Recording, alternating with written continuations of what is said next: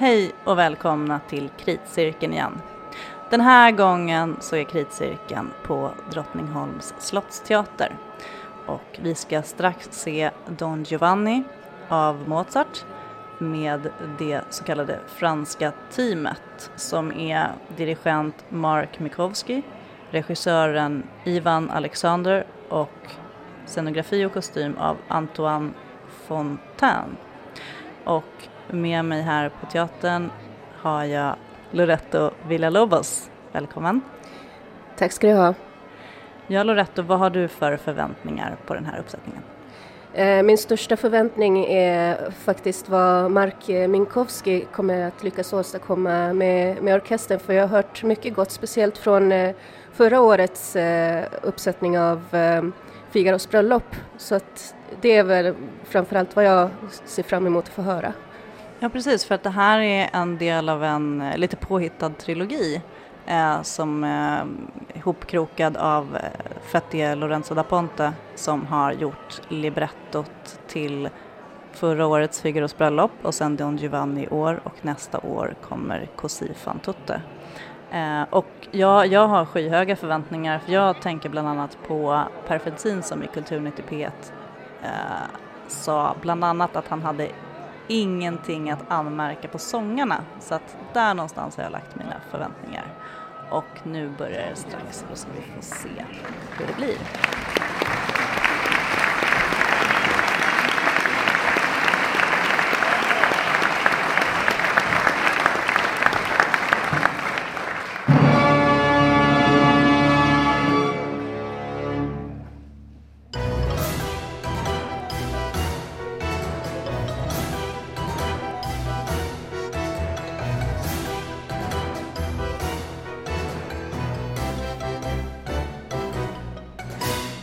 Ja, nu har vi alltså sett Don Giovanni på Drottningholms slottsteater och så här i skarven mellan sommar och höstsäsong som det faktiskt är nu i augusti så är Drottningholmsteatern lite typisk för att de har en sommarsäsong men de spelar inomhus.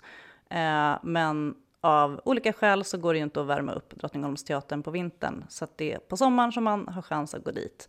Och eh, oftast när man går dit så är det ju som att åka tidsmaskin men Loretto, hur blev det med den här tidsmaskinen eh, den här gången?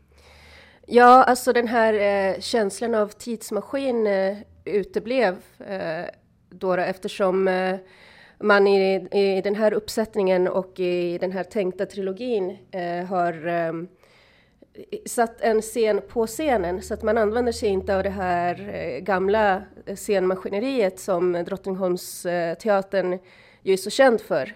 Eh, utan tanken är att den, här, eh, att den här uppsättningen också ska vara mobil för att man ska turnera runt med den i, i, i Europa. Eh, men eh, utöver det så måste jag säga ändå att den här eh, Don Giovanni var, eh, ska man säga, bra, bra opera.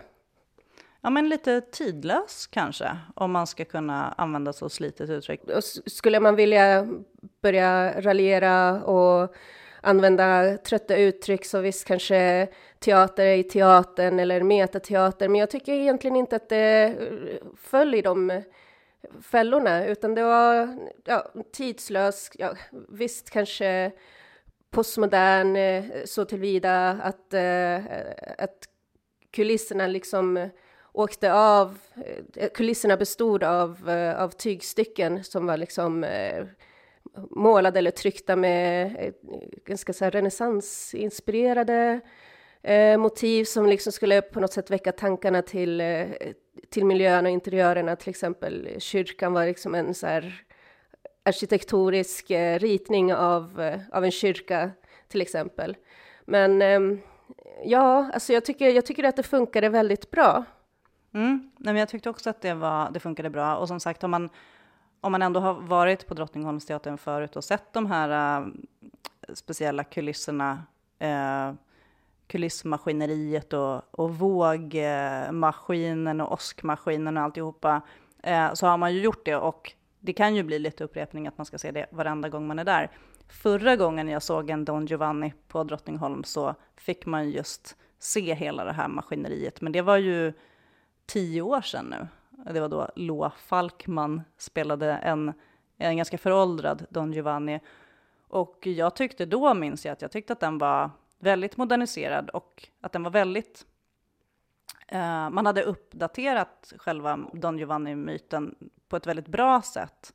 Eh, jag tror att jag hade rubriken förförare från förr, för att just att han var föråldrad och han var, det var så himla typiskt så att ja, den här Don Giovanni, Don Juan-karaktären, eh, det var liksom som en kvarleva från förr och jag tyckte liksom också att Loa Falkman då spelade väldigt mycket att så här, ja, ja men så här kan man ju inte hålla på nu för tiden liksom. Vi har ju, ja, feminismen har ju kommit ikapp den här eh, gamla snubben um, och det funkade väldigt bra. Och samtidigt som man då fick hela, ja men man fick Drottningholmsmaskineriet och eh, det passade väldigt bra då. Det var Johanna Garpe som regisserade då.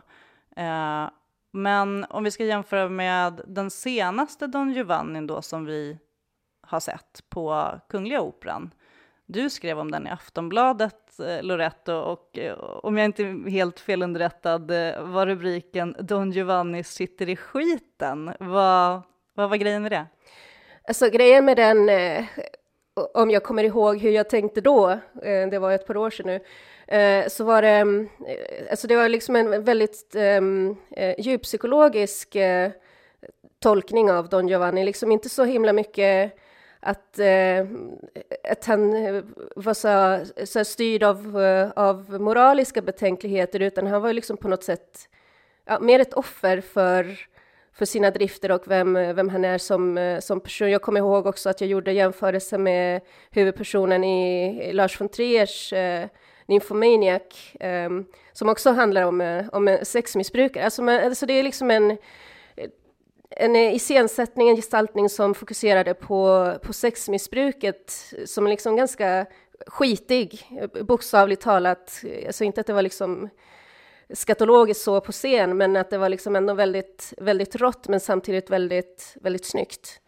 Ja, men precis, och det minns jag också. Jag tyckte också att den var väldigt snygg. Sen så utspelade den sig ju, jag menar, det var mycket kakel, det var de här våldtäkts övergreppsscenerna var inne på toaletter, eh, vilket man kan då dra paralleller till vilka dagens Don Juan är och hur de och var de verkar någonstans så kanske det är liksom på krogtoaletter eller hela diskussionen om sexövergrepp på festivaler och sånt som funkade väldigt eh, lätt att applicera dem. För det, det är ju så man ändå tänker sig, om man ska förhålla sig till Don Giovanni idag, så måste man ju nästan tänka att men det här är ju en snubbe, han är ju en sexmissbrukare. Det, han har ju ganska, för, jag menar, om man då ur ett normperspektiv ganska obegripliga drivkrafter. Alltså, det, det, är svårt att sätta sig in i vad den här snubben gör för att få ligga liksom och hela den här katalogarian. Han har, han har byggt upp hela sitt liv på den här livslögnen som han då försvarar in to the bitter end. Uh, och men tillbaks nu till, till Drottningholm här. Jag tyckte ju att det perspektivet är såklart kvar. Det är väldigt svårt att bortse från det perspektivet för att man, man kan inte bara tänka sig att de här kvinnorna är bara veliga offer. Men vi pratade lite grann om, när vi åkte ifrån Drottningholm där, om, om, om eh, personernas agens. Och eh, din reflektion var, Loretto? Ja, alltså, det blir liksom väldigt svårt att förhålla sig till personers agens, speciellt när det kommer till, eh, till så här gamla verk där det liksom på något sätt eh, persongalleriet blir arketyper för olika typer av förhållningssätt till, till moral. Um, skulle liksom till exempel inte kunnat säga att eh, Don Giovanni har någon agens eftersom han är ju han är ju styrd av sina drifter, alltså man skulle idag kalla det för, för sexmissbrukare, man kanske då hade det kallat för liksom att han eh, helt enkelt saknar, saknar fri vilja i förhållande till att välja att göra rätt. Um, och det finns ju ett, ett ögonblick i, i Don Giovanni då han får tillfälle att välja rätt väg och det är när den här vålnaden... Um, Stengästen?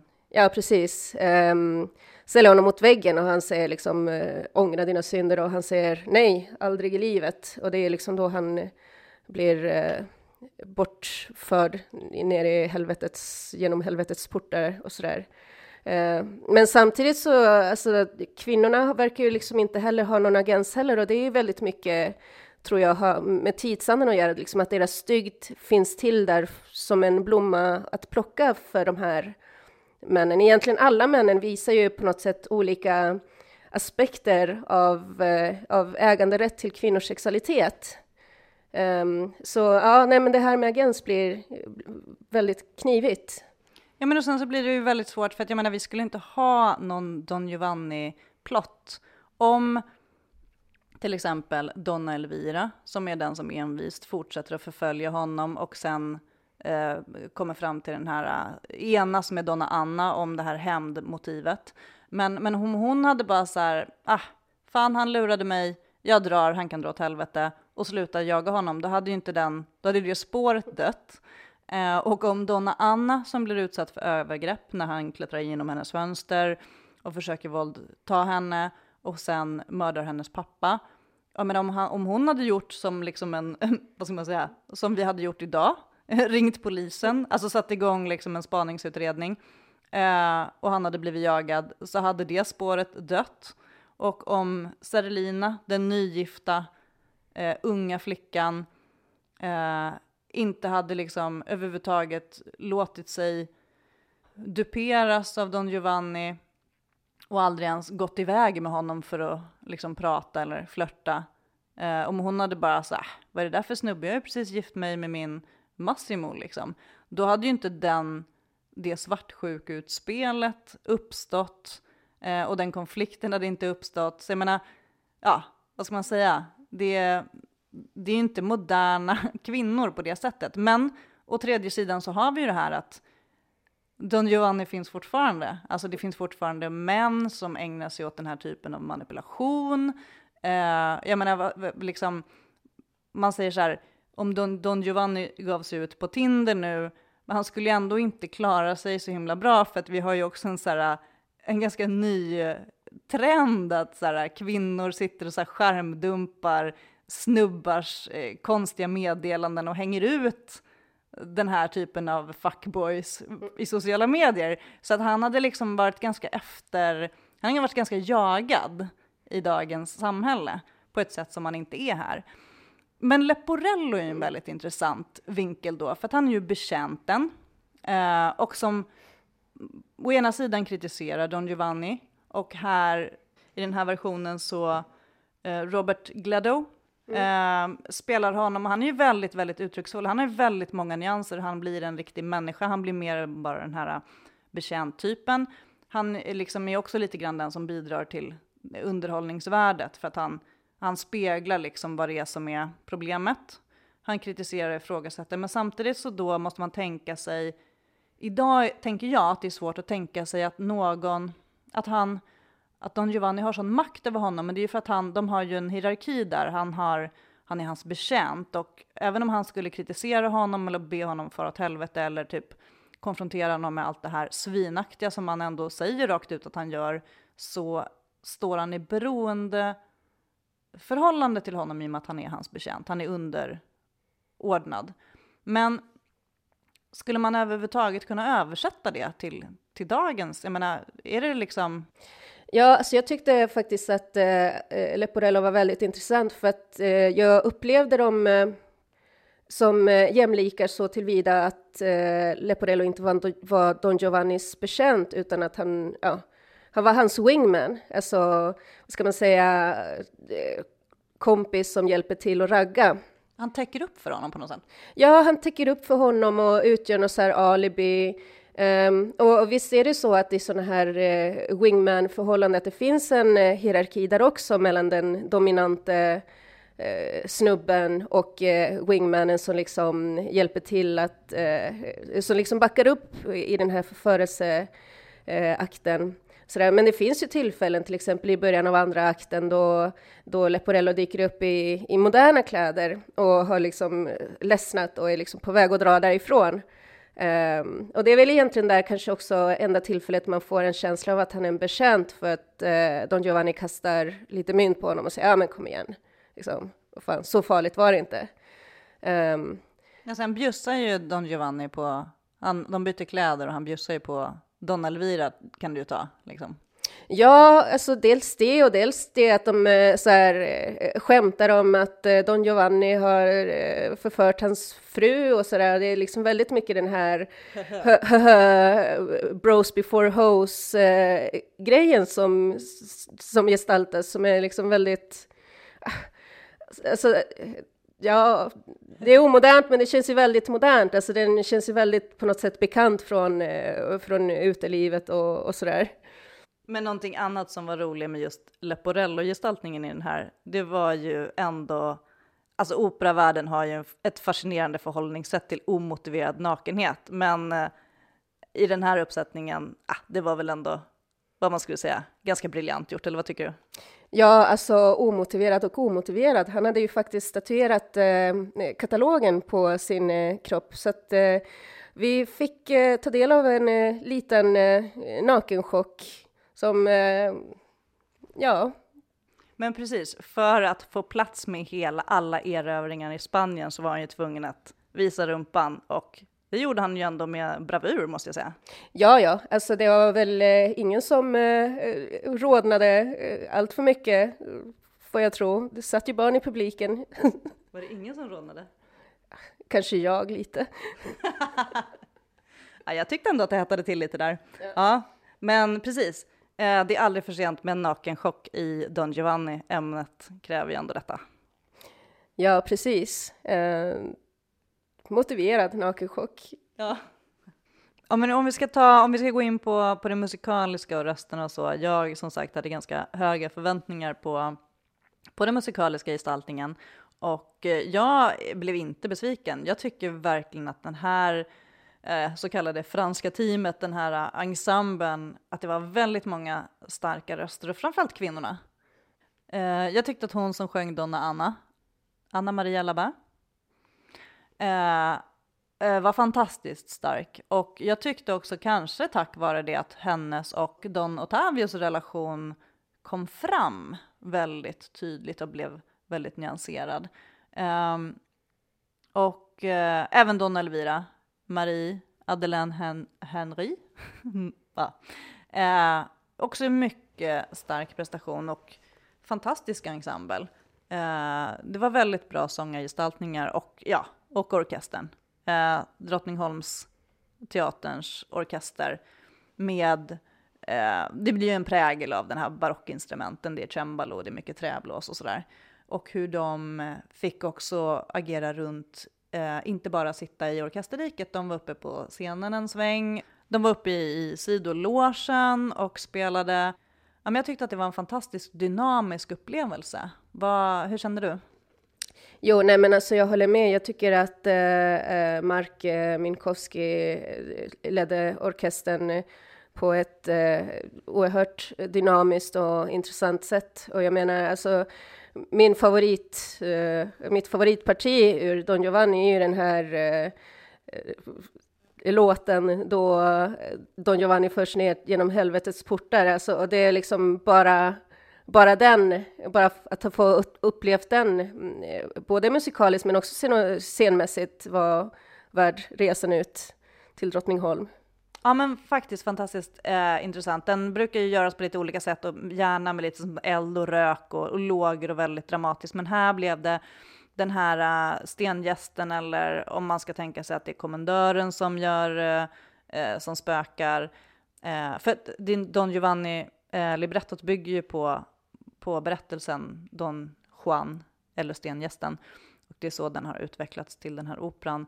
Eh, den är eh, det är verkligen plötsligt också från att ha varit ganska realistisk iscensättning tycker jag. Alltså med tanke på att det är en massa konstiga vändningar såklart. Det, det finns en massa saker som man inte köper för att man sitter och är en eh, kvinna som lever på 2010-talet och tänker så här, herregud, varför gjorde hon inte så? Varför gjorde hon inte så? Varför är det si och så?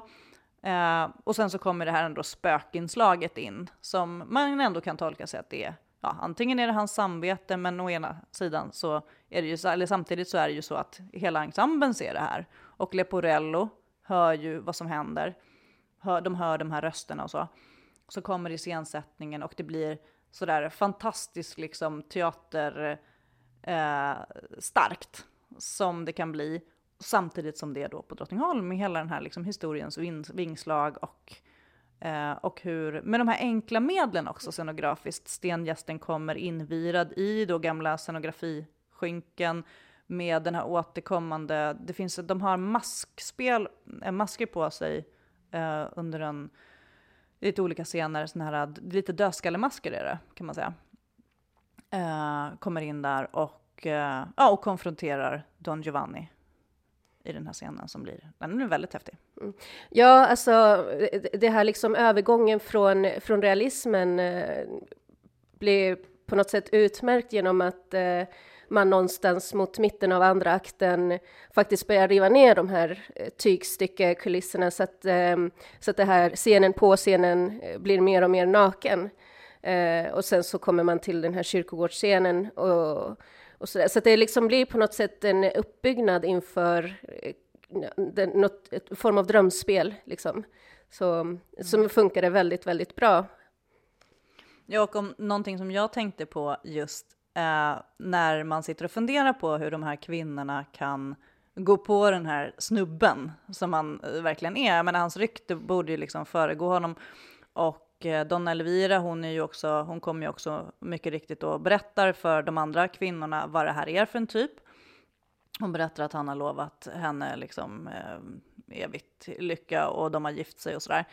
Eh, I vissa gestaltningar kan man se henne som att hon kommer där som att det är någon sorts svartsjukutspel. Det beror på vilken typ av blick man använder. Men det jag tänkte på här nu är att flera av de här fantastiska styckena, eh, bland annat Kom ta mig din hand, vad heter den? Eh, den fantastiska duetten eh, som han sjunger. Och vi vet ju i publiken, vi, vi, vet ju att det här är ju bara tomma ord. Men det är så fantastiskt vacker musik, det är sådana vackra ord. Så att alltså det är inte konstigt att de här kvinnorna, de vill ju gå på det här. De vill ju tro på liksom kärleken och romantiken. Eller också samtidigt den här fantastiska lutscenen när han sitter under fönstret och ska locka ut, liksom, han har ju lurat iväg Donna Elvira med Leporello ska få ta hand om henne så att han ska eh, kunna förföra hennes kammarjungfru. Och, och jag menar, det är så fantastisk sång och Mozarts musik är ju, alltså den, den spänner ju över alla liksom logiska lagar. Så att ja, på något sätt så i den här operakontexten så kan man ändå köpa att de här kvinnorna som man tycker borde veta bättre faktiskt går på det här. Ja, passa på att se den här så länge den spelas. Den spelas en kort spelperiod till på Drottningholms slottsteater. Och det är som sagt eh, en tänkt trilogi, men vad ska vi säga, ja, vad, vad var spåret, liksom, det finns en liknande scenografi, det är samma typ av team som har gjort det, och man kan ana lite blinkningar insmugna i föreställningen som några strofer ur Figaros bröllop som plötsligt dyker upp. Eh, det är lite roligt, men man behöver inte ha sett eh, förra årets uppsättning för att hänga med i den här, absolut inte som sagt, vi står här i skarven mellan sommar och höst och om vi ska blicka framåt lite, eller kanske tillbaka, för att jag tänkte att vi har inte gjort någon podd sedan i våras, men om vi ska ta någonting från vårsäsongen så var det ju väldigt eh, tydligt. Vi, vi, hade det här Alice i Underlandet-tema. Det var plötsligt väldigt många Alice som spelades. Jag såg en i Göteborg och sen såg jag Kungliga Balletten gjorde en. Och sen så nu i sommar så passade jag på att se den nya filmen. Och det är väl någonting väldigt intressant med att plötsligt det dyker upp väldigt starka kvinnoroller. Och så hade vi Ayn Rand som vi inte har pratat om. Eh, minns vi någonting av det? Vad, vad är din kommentar om Ayn Rand-föreställningen som hette Du ska veta mitt värde? Spelades på Stockholms stadsteater. Ja, alltså framförallt så var det ju Ann Petréns eh, enorma rollprestation så liksom, ja, man kunde se och höra eh, Ayn Rand framför sig, men också hur man eh, genom språket, eh, alltså man använder det här eh, objektivistiska språket som eh, Ayn Rand eh, hade utvecklat som, eh, som ett sätt att ehm, föra fram dramatik som blev väldigt, väldigt effektfullt. Och sen så var det ju liksom en hel kommentar till till rådande individualism när, eh, när hon plötsligt står ensam på scen. Och vad är det hon säger till publiken? Ni kan dra åt... Ja, ni, ni kan dra åt helvete eller något sånt där? Ja, nej men hon ber alla, ni kan dra åt helvete. Och det är liksom är på något sätt att hon blir någon så här fallen hjälte. Alla vänder henne ryggen, men hon eh, vet att hon i sin individualitet och i sin rationalitet är bättre. Mm. Det var en väldigt eh, stark och bra eh, prestation. Ja, men det var, också, det var en väldigt nyanserad gestaltning och en respektfull gestaltning. För man kan tänka sig att här kan det ju komma publik som har väldigt olika politiska åsikter.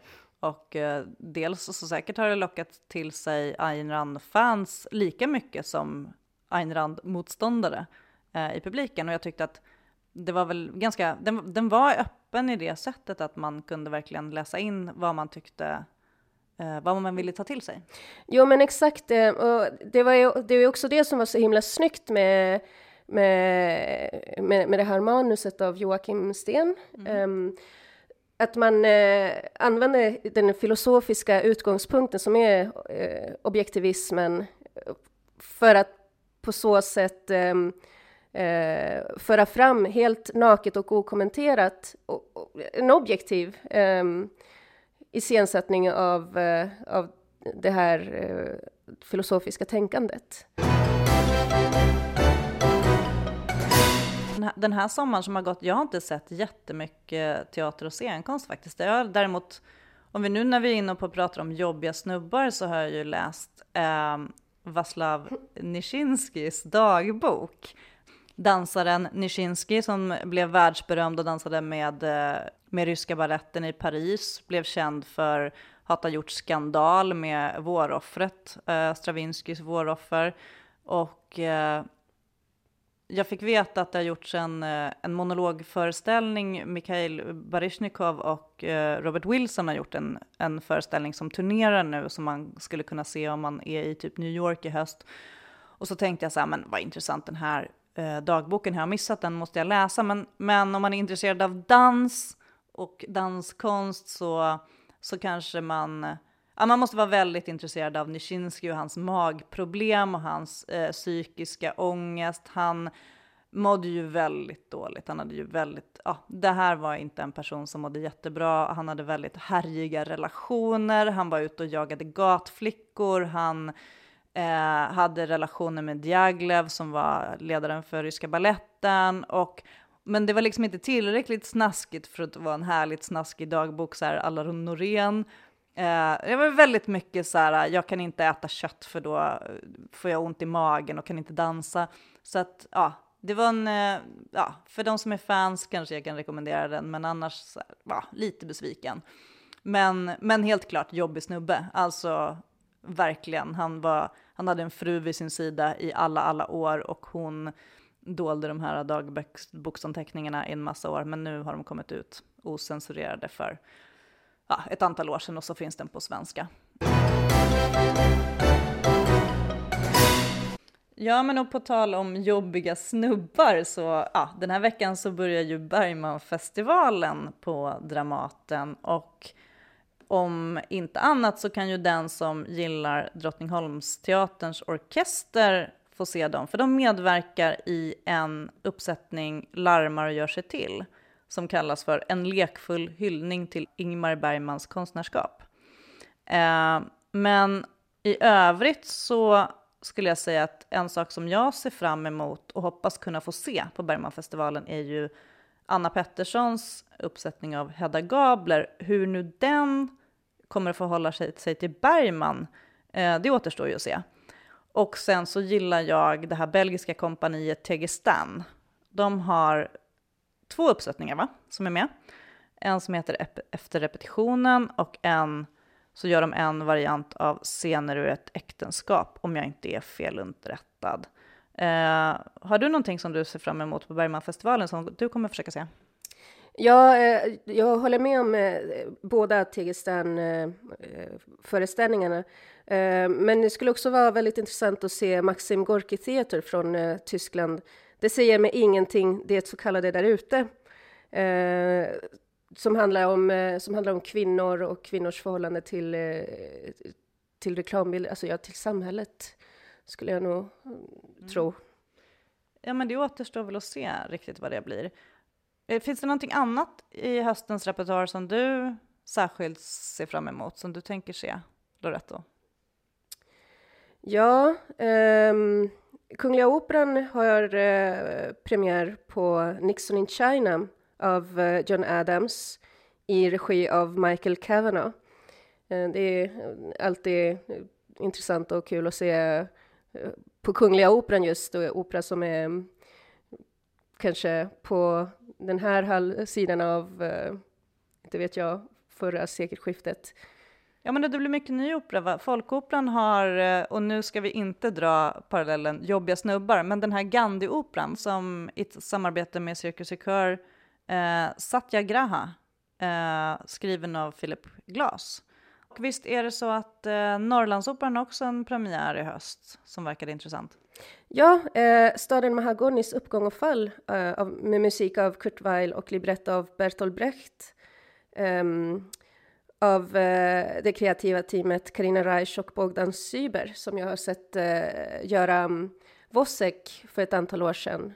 Där, som var väldigt tjusig och snygg och intressant uppsättning. Så att, Ja, men de är alltid grymma. Det var ju de som tog in eh, dödsmetallbandet Entombed och gjorde en ballett på Kungliga Operan för en massa år sedan. Fantastiskt. Eh, de gör alltid massa, tar alltid massa roliga grepp som är intressanta. Den tycker jag verkar kunna bli spännande, men man vet inte. Det är grisen i säcken. Vi kan inte sitta här och tipsa om saker som vi inte har sett, men, men det är ändå lite av det som vi ser fram emot. Och jag, om man ska på danssidan så tror jag att en av höstens stora grejer, måste jag nog säga, är ju att eh, Batsheva Company kommer eh, till Dansens hus. Eh, och Hadna Harin, israeliska koreografen, han är alltid intressant att se, så jag hoppas jättemycket på det. Jag har missat hela Göteborgs dans och teaterfestival på grund av anledningar, men jag tror ändå, jag tror att danshösten har jättemycket som, som är värt att se fram emot. Men, men mer om hösten i nästa podd. Eh, vi eh, tackar så mycket för att ni har lyssnat den här gången. Eh, jag heter Cecilia Djurberg och eh, jag heter Loretto Villalobos. Eh, vi har bara gjort en podd tidigare, men den ligger på Soundcloud, eh, snedstreck kritcirkeln. Ni kan hitta oss i sociala medier också. På Twitter heter vi kritcirkeln. Och den som vill mejla oss kan göra det på mejladress podden kritcirkeln gmail.com. Podden kritcirkeln med 2D snabela gmail.com. Tack så mycket för att ni har lyssnat. Hej då!